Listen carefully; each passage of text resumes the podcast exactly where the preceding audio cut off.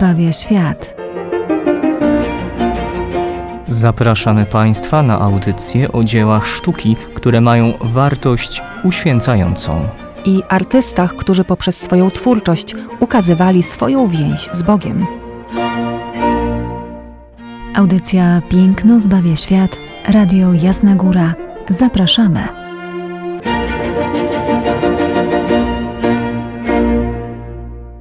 Witamy Państwa serdecznie w audycji Piękno zbawia świat. Izabela Banaszewska. Ojciec Tomasz Mordziałek. Będziemy dziś, drodzy Państwo, mówić o niezwykłym człowieku, prawdziwym człowieku renesansu i będzie nim architekt. Myślę, że to jeden z takich ludzi renesansu, o których mniej wiemy. Bardzo często słyszymy o Leonardzie da Vinci, wiemy o różnych innych malarzach, oczywiście tutaj Michał Anioł, Donato Bramante, oni są e, wymieniani prawie że w jednym zdaniu, prawda? Natomiast o bohaterze naszej dzisiejszej audycji na pewno niewielu spośród Państwa słyszało. Leone Battista Alberti to architekt, o którym będziemy dziś mówić. Genialne dziecko urodzone w Genui, w rodzinie florenckich kupców. Człowiek prawdziwego renesansu, bo przynajmniej jak doczytałem i gdzieś tam wyskrobałem z tych informacji, no to o ile faktycznie słynie z, z dzieł swojej architektury, to jednak ostatecznie z wykształcenia tym architektem w pełni nie był. No tak to kiedyś wyglądały studia, że matematycy na przykład mogli studiować prawo, prawda? Albo teologię. Jak wiemy, panował spór o to, która z nauk, czy teologia, czy matematyka jest tą królową nauk. Generalnie prawo mimo wszystko należało, zresztą teraz chyba tak, że należało do nauk humanistycznych. Więc można powiedzieć, że Alberti był bardzo blisko nauk humanistycznych, a w tym i wiedzy, jaką zdobył, dzięki której mógł napisać traktaty o sztuce, o czym za chwileczkę będziemy mówić. No, poza tym tak podają i wspominają, że był kartografem, muzykiem, filozofem, poetą, no i oczywiście również malarzem. A to e, w czym będziemy się przyglądać jego niezwykłemu dziełu? Może e, też on jest tak nieznany dla nas, e, ze względu na to, że jego dzieła może nie są tak w jakiś sposób dla nas wyeksponowane w edukacji, którą przeżyliśmy, tej podstawowej czy, czy wyższej, trzeba by samemu gdzieś doszukać, czy ewentualnie w podróżach, w dużej mierze oczywiście we Włoszech, w tych miastach, zresztą o których można byłoby usłyszeć, no ale gdzie to leży w, tej, w tych Włoszech, gdzie one są? No nawet w nich mielibyśmy problem, żeby je odnaleźć, ale to, czemu się dzisiaj przyglądamy, to jest e, kościół świętego Andrzeja e, w Mantui. Tak, San Andrea w Mantui. E, rzeczywiście jest, tak jak ojciec wspomniał, nie wiemy, nie znamy, nie słyszymy o tych dziełach sztuki, ale z drugiej strony e, trudno powiedzieć, że nie znamy, skoro fasadę i rozwiązanie wnętrza kościołów e, Albertiego w jakiś sposób intuicyjnie czujemy, ponieważ te rozwiązania zostały powtórzone w większości nowożytnych kościołów w Europie i to jest jego ogromna zasługa. To jest absolutny fenomen.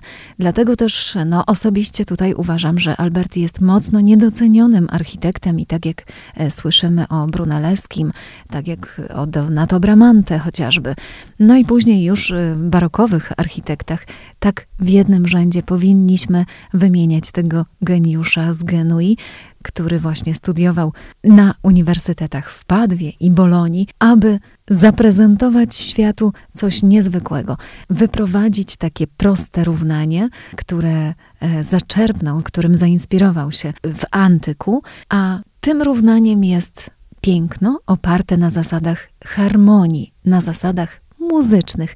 Dlatego też możemy powiedzieć, że niezwykle muzyczne są jego kościoły. I w przenośni, i dosłownie, bo akustyka w tych kościołach jest znakomita. Kościół świętego Andrzeja w Mantui nie powstałby, gdyby też e, nie konkretne wydarzenie historyczne, czyli w sumie ten kunszt naszego architekta nie byłby poznany w tym miejscu, gdyby nie co? Właśnie wydarzenie związane historycznie ze świętym Longinusem, czy świętym Longinem, a był to centurion rzymski, który przybył do Italii i miał przywieźć drogocenną relikwię, jaką miała być przenajświętsza krew Chrystusa i zakopać e, tąże relikwię właśnie w miejscu, gdzie znajduje się kościół e, świętego Andrzeja. Ogólnie jest wiele perypetii związanych z tymi relikwiami. E, zapomniano o nich, później znowu sobie przypomniano, gdzie one się znajdują. Święty Andrzej miał się przyśnić pewnym osobom, wskazując też miejsce, gdzie owe relikwie się znajdują. No jest tego dużo. Zaangażowani są w to papieże ówczesnych czasów. No i ostatecznie e, należało przecież by wybudować e, kościół w tak cudownym miejscu, gdzie znajduje się e, tak niezwykła relikwia, jaką jest przenajświętsza krew Chrystusa.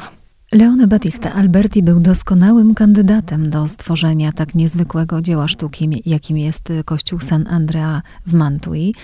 E, przede wszystkim jego wykształcenie na to wskazywało, o czym już wspominaliśmy. Znał grekę, znał łacinę. E, po śmierci swojego e, ojca wspierali go dwaj stryjowie, którzy byli duchownymi. To również miało oczywiście ogromny wpływ na rozwój intelektualny, ale także i duchowy e, młodego e, Albertiego. We Florencji e, pamiętajmy, że Alberti poznał większość humanistów i tutaj możemy powiedzieć o Donatellu, o Brunelleskim, o Ghibertim, a także o Masacciu, którego wymienia w jednym ze swoich traktatów, tutaj o, w traktacie o malarstwie. Zresztą Alberti stworzy aż trzy traktaty, więc można powiedzieć, że będzie pierwszym teoretykiem sztuki. Tworzy traktaty o malarstwie, o rzeźbie i o architekturze. Ten ostatni, który powstaje około 1440 roku, będzie zawierał aż 10 ksiąg. Jak to się dzieje, że powstaje ten traktat? w którym to zresztą poznajemy zasady, na jakich oparty jest właśnie kościół San Andrea w Mantui. Otóż okazuje się, że w 1415 roku został odnaleziony traktat Vitruviusza przez humanistę Poggia Braccioliniego. Ale Alberti jako pierwszy zrobił użytek z tego e, niezwykłego dzieła, które gdzieś się mówiło, że prawdopodobnie jest, ale no właśnie zostało odnalezione dopiero na e, początku XV wieku. I dzięki temu traktatowi Witruwiusza tak naprawdę Alberti zrobił z niego użytek jako pierwszy. Podał pierwszą od czasów klasycznych konsekwentną teorię użycia pięciu porządków w architekturze. Przedstawił projekt rozplanowania całego miasta, przedstawił projekty domów dla różnych warstw społecznych, a także projekty świątyń z czego dwie będą najważniejsze. Świątynia na planie centralnym, będzie to kościół San Sebastiano także w Mandui, no i właśnie e, świątyni na planie Krzyża Łacińskiego, która już w świadomości ludzi, jak wiemy, funkcjonowała od czasów wczesnego średniowiecza, od e, czasów, kiedy chrześcijaństwo wyszło z katakumb i potrzebne były po prostu obiekty kultu. Wspominaliśmy już e, kiedyś e, w audycji o tym, jak powstawały pierwsze bazyliki, pierwsze kościoły na planie Krzyża Łacińskiego. No to było naturalne, oczywiście, że powtórzono tutaj krzyż, mimo że plan E, sam sposób budowania świątyni odnosi się bezpośrednio, i to już od czasów średniowiecza to podkreślmy, do antycznej bazyliki, do bazyliki rzymskiej, która miała oczywiście zupełnie inną funkcję, nie miała funkcji świątynnej. No i teraz co robi Alberti? Tym jego najważniejszym dokonaniem będzie postawienie akcentu na piękno. Jego teoria piękna, proszę, proszę zobaczyć. Dla niego piękno będzie się opierało na matematycznym systemie proporcji harmonicznych, proporcji muzycznych. To się ojcu Tomaszowi powinno spodobać mocno, jako odpowiedzialnemu za muzykę w audycji Piękno zbawia świat.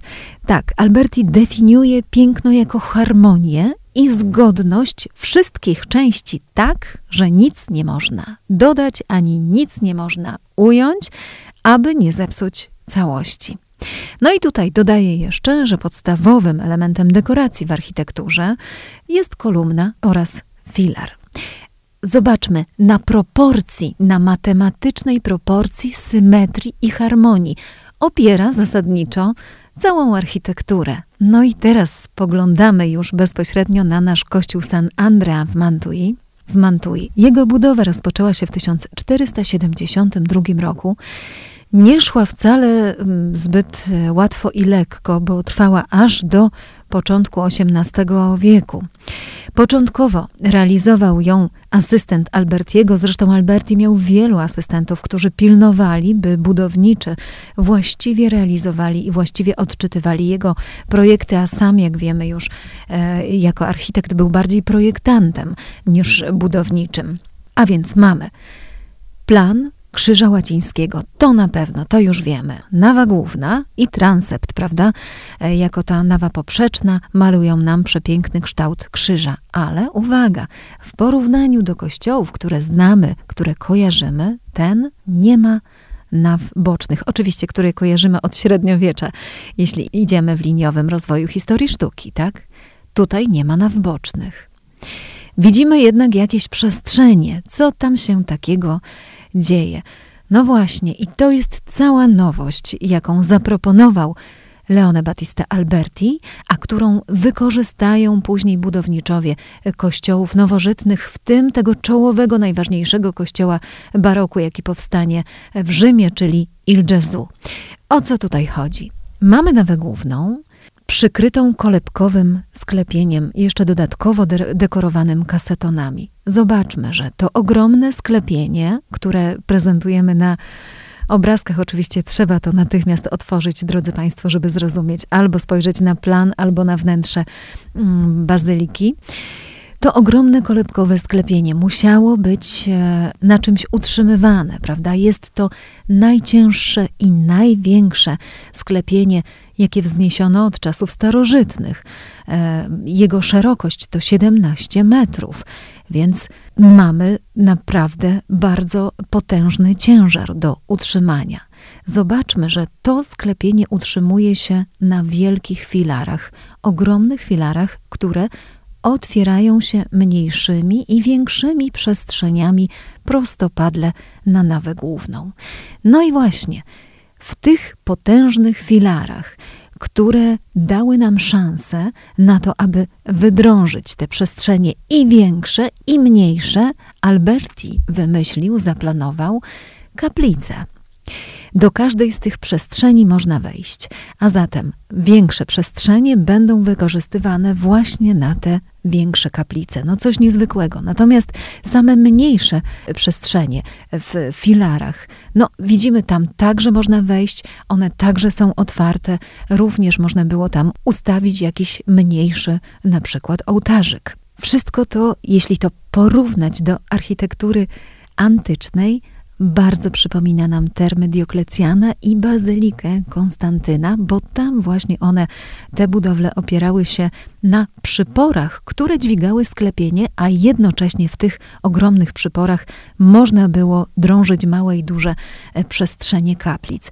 Zobaczmy, jak to ujednoliciło wnętrze. Oczywiście Il Gesù, o którym wspomniałam, ma jeszcze krok posunięte ujednolicenie e, tego wnętrza, ale odnosząc się do tego, o czym mówiliśmy, o tej muzyce, o harmonii, która tutaj nam się przejawia, jeśli chodzi o formę architektoniczną, no właśnie, jest harmonia. No i zobaczmy, że będzie też harmonia muzyczna i niezwykłe efekty muzyczne, jeśli chodzi o akustykę we wnętrzu. Nawa przez to ujednolicenie przestrzeni ma charakter tunelowy. Wchodząc do wnętrza, jesteśmy w ciemnym pomieszczeniu.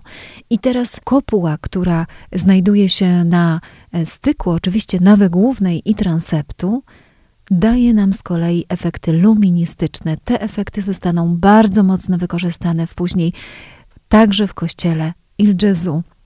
Zobaczmy, jak wiele rozwiązań, niezwykłych rozwiązań, bardzo nowatorskich. Pamiętajmy, że co jest za nami? No za nami jest średniowiecze, za nami są pnące się w górę kościoły gotyckie. Czegoś innego w tej chwili potrzebują ludzie w renesansie. Alberti wykorzystuje architekturę antyczną jako architekturę doskonałą. On ją uważał za lepszą niż ta średniowieczna. Dochodzi do niezwykłego zderzenia właśnie antyku z potrzebą czasów renesansu. To wszystko otrzymujemy, całą architekturę kościoła. Po co i dlaczego? Oczywiście wspomnieliśmy na samym początku, że jest to związane z uhonorowaniem tych niezwykłych relikwii, krwi przenajświętszej, które się tam znajdowały. Jednak jako chrześcijanie spotykamy się w kościele nie po to, aby się modlić. Ze względu na to, e, to zabrzmi bardzo kontrowersyjnie. No, zabrzmiało ciekawie. Jednak zbieramy się e, do budowli kościoła przede wszystkim, by przeżywać liturgię. Modlić możemy się w każdym miejscu i w każdym czasie. Każdy ma też swoje pewne upodobania spotkania z Bogiem. Od różańca poprzez medytację Pisma Świętego, indywidualną modlitwę, litanie. No, w historii Kościoła tego mamy teraz, y, co jest w obecnych czasach, jest tego multum i odgrom. Każdy może się gdzieś w tym odnaleźć. Natomiast właśnie, modlić się też możemy tym, gdzie zapragniemy.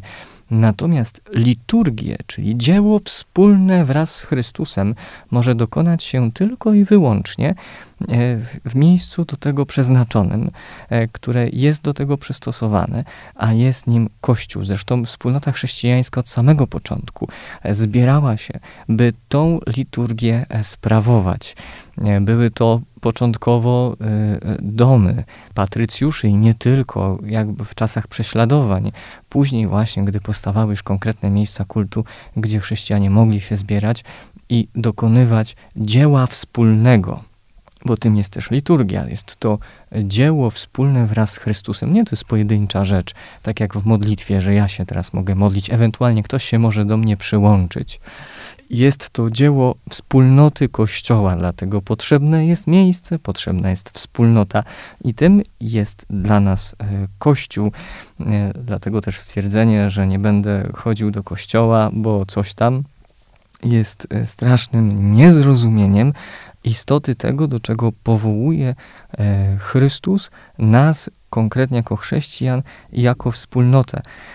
W tym pielgrzymowaniu do ostatecznego celu, jakim jest osiągnięcie życia wiecznego. Architektura ma pomagać, przeżywać e, też liturgię, ma dawać wejście w odpowiednią atmosferę, jednocześnie uczyć, budować ducha. No, na przestrzeni wieków widzimy, jak to wszystko różne się przeobrażało i też jak akcenty były przesuwane dla ludzi danych czasów, e, co pomagało im lepiej przeżywać e, liturgię. Co jeszcze o tym nie wspomnieliśmy, ale e, już w budowie San Andrea w Mantui, zanim ludzie weszli do samego kościoła, musieli przejść oczywiście przez drzwi. Ale jakie to były drzwi? E, niezwykłe. I nie chodzi mi tylko o same skrzydła drewniane czy metalowe, tak? ale chodzi mi o całą fasadę kościoła świętego Andrzeja, która została stworzona jako łuk triumfalny. Znak, który dla tamtejszych ludzi był jasny. Czym był łuk triumfalny? Był budowany na specjalne wydarzenia bądź zwycięstwa e, w bitwach, w wojnach, przez które trzeba było przejść. One były po to, żeby uczcić to niezwykłe wydarzenie, jakie miało miejsce. I teraz my, idąc do kościoła, wchodząc e, do tego świętego miejsca, bo kościół jest e, miejscem świętym e, wedle teologii katolickiej, przechodzimy przez łuk triumfalny. I teraz co w głowach tych ludzi powinno się budzić? Również i w naszych, kiedy będziemy przechodzić E, przez takiego typu e, fasadę kościoła, że dokonało się ogromne wydarzenie, zwycięstwo jakieś. No i teraz jakie? No i mamy zwycięstwo życia nad śmiercią, zwycięstwa Chrystusa nad śmiercią, nasze zwycięstwo nad grzechem. Możemy tutaj mówić o wiele dalej, że e, dokonuje się niezwykle wielkie wydarzenie, jakim będzie postacią Eucharystii, na którą zmierzamy. I Dlatego to zostało wszystko wybudowane. Drugie dno wydarzenia tego, że relikwie przenajświętszej krwi znajdują się właśnie tutaj. I to e, ten łuk triumfalny jako fasada kościoła świętego Andrzeja jest e, uchoronowaniem właśnie też i tego. No, wiele rzeczy można w tym zawrzeć, wiele może to już od danej osoby e, też zależy, co ona sobie w danym momencie przypomni, aby móc obecność swoją wraz też z innymi, czy też już indywidualną, przeżywać jak najlepiej. Jeśli jesteśmy przy fasadzie kościoła San Andra w Mantui, trzeba przyznać, że jest to rzeczywiście niezwykła, bardzo monumentalna fasada. Ona nie mogła się na tamte czasy tak do końca podobać. Pamiętajmy, e, co za nami. Pamiętajmy o średniowiecznych fasadach, o osi głównej fasady zachodniej, e, która eksponowała wyższą e, nawę główną i niższe nawy poprzeczne. Fasady składały nam się w jakiś sposób w trójkąt. Tym razem, skoro nie mamy tych naw bocznych, no tutaj ta fasada musiała wyglądać nieco inaczej. I choć nie fasada San Andrea w Mantui będzie tą taką typową, e, popisową fasadą kościołów nowożytnych, to inna fasada także Albertiego, pochodząca z Bazyliki Santa Maria Novella we Florencji. To była fasada już renesansowa, dobudowana do gotyckiego kościoła i to ona tak naprawdę odciśnie największe e, piętno na architekturze nowożytnej, jeśli chodzi właśnie o rozwiązanie zachodniej części kościołów. Ale spójrzmy na fasadę San Andrea w Mantui. Mamy tutaj jednoprzelotowy łuk triumfalny. To ważne, bo poprzednie fasady właśnie oparte były o łuk trójprzelotowy. Tutaj mamy jednoprzelotowy łuk. Taki łuk, oczywiście łuk Tytusa chociażby, musiał Alberti, mógł Alberti widzieć w Rzymie. Alberti wraz z pierwszym papieżem humanistą Mikołajem V podróżował, zwiedzał, oglądał starożytności. No i oczywiście na tych starożytnościach się bardzo mocno inspirował a zatem opiera fasadę o jednoprzelotowy łuk. Ten łuk flankują dwa pilastry i w narożach budynku także znajdują się dwa pilastry. Więc jeśli chodzi o elementy wertykalne całej fasady, mamy trzy podstawowe elementy wertykalne. W osi głównej łuk i cztery duże pilastry.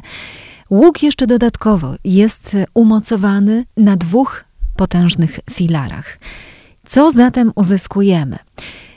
Fasada tak rozczłonkowana na cztery wielkie pilastry, które dźwigają nam belkowanie i niewielki przyczółek trójkątny, w przestrzeniach pomiędzy nimi mamy dwa otwory wykorzystane na drzwi. Jeżeli spojrzymy sobie zatem, drodzy Państwo, ze stosownej odległości, to mamy jedną wielką przestrzeń środkową i dwie przestrzenie niższe w takich niby filarach. Co nam to przypomina? No to nam przypomina oczywiście alternację wnętrza tej świątyni. Zobaczmy, że na takiej samej zasadzie rozwiązane zostało wnętrze. Pamiętamy, te większe przestrzenie poprzedzielane mniejszymi, większe wydrążone, tak i te mniejsze, które są bezpośrednio w filarach. Dokładnie to, a więc proporcja i harmonia matematyczna. No, niektórzy mówią, że naprawdę również i tutaj możemy dostrzec harmonię muzyczną. Więc zobaczmy, że rzeczywiście na tych elementach opiera e, Alberti całą swoją architekturę. Rozwiązuje w fantastyczny sposób wnętrze, rozwiązuje elementy luministyczne we wnętrzu świątyni oraz problemy akustyczne. I dodatkowo tę samą alternację wykorzysta fasadzie zachodniej świątyni, dając nam właśnie jednoprzelotowy łuk, który niejako imituje nam właśnie e, tę kaplicę wydrążoną w, we wnętrzu świątyni i drzwi w miejscach mniejszych kapliczek w filarach nawy głównej. No coś niezwykłego, tego oczywiście jeszcze nie było, takiego rozwiązania nie widzieliśmy, ono było bardzo nowatorskie i tak jak mówię, zbyt nowatorskie, żeby mogło się przyjąć od razu we wszystkich świątyniach sztuki nowożytnej. Do tego trzeba było czasu, Dlatego też łatwiejsza do przyjęcia, do przyswojenia była fasada, zresztą także autorstwa Albertiego kościoła Santa Maria Novella, wprowadzająca także parawanowe ścianki, dzięki którym później w kościołach y, barokowych mieliśmy spływy walutowe. Wielki architekt Leone Battista Alberti. Naprawdę niedoceniany i chcemy go dziś bardzo mocno do, docenić i podkreślić to, że jego wkład w kościoły nowożytnej epoki był ogromny był nie do podważenia, nie do zaprzeczenia, a do wyeksponowania jak najbardziej, bo choć znamy architektów takich jak e, Vignola, takich jak Bernini czy Boromini, oni wszyscy czerpali właśnie z architektury wielkiego Albertiego. Kończąc nasze rozważania i zachwyt nad e, dziełem Albertiego, możemy tylko i wyłącznie zachęcić na to, by e, spojrzeć również na inne jego dzieła architektoniczne, ale nie tylko e, zdjęciami, ale oczywiście również na żywo. Zatem najbliższe wypoczynki e, do Włoch. Myślę, że tak, koniecznie. Tak. No, i nie tylko no i dołączamy, dołączamy Mantuę do planu A, tak, państwa tak, tak. podróży po słonecznej Italii. Bardzo dziękujemy za udział w dzisiejszej audycji. Do I usłyszenia. Za tydzień. Tak jest.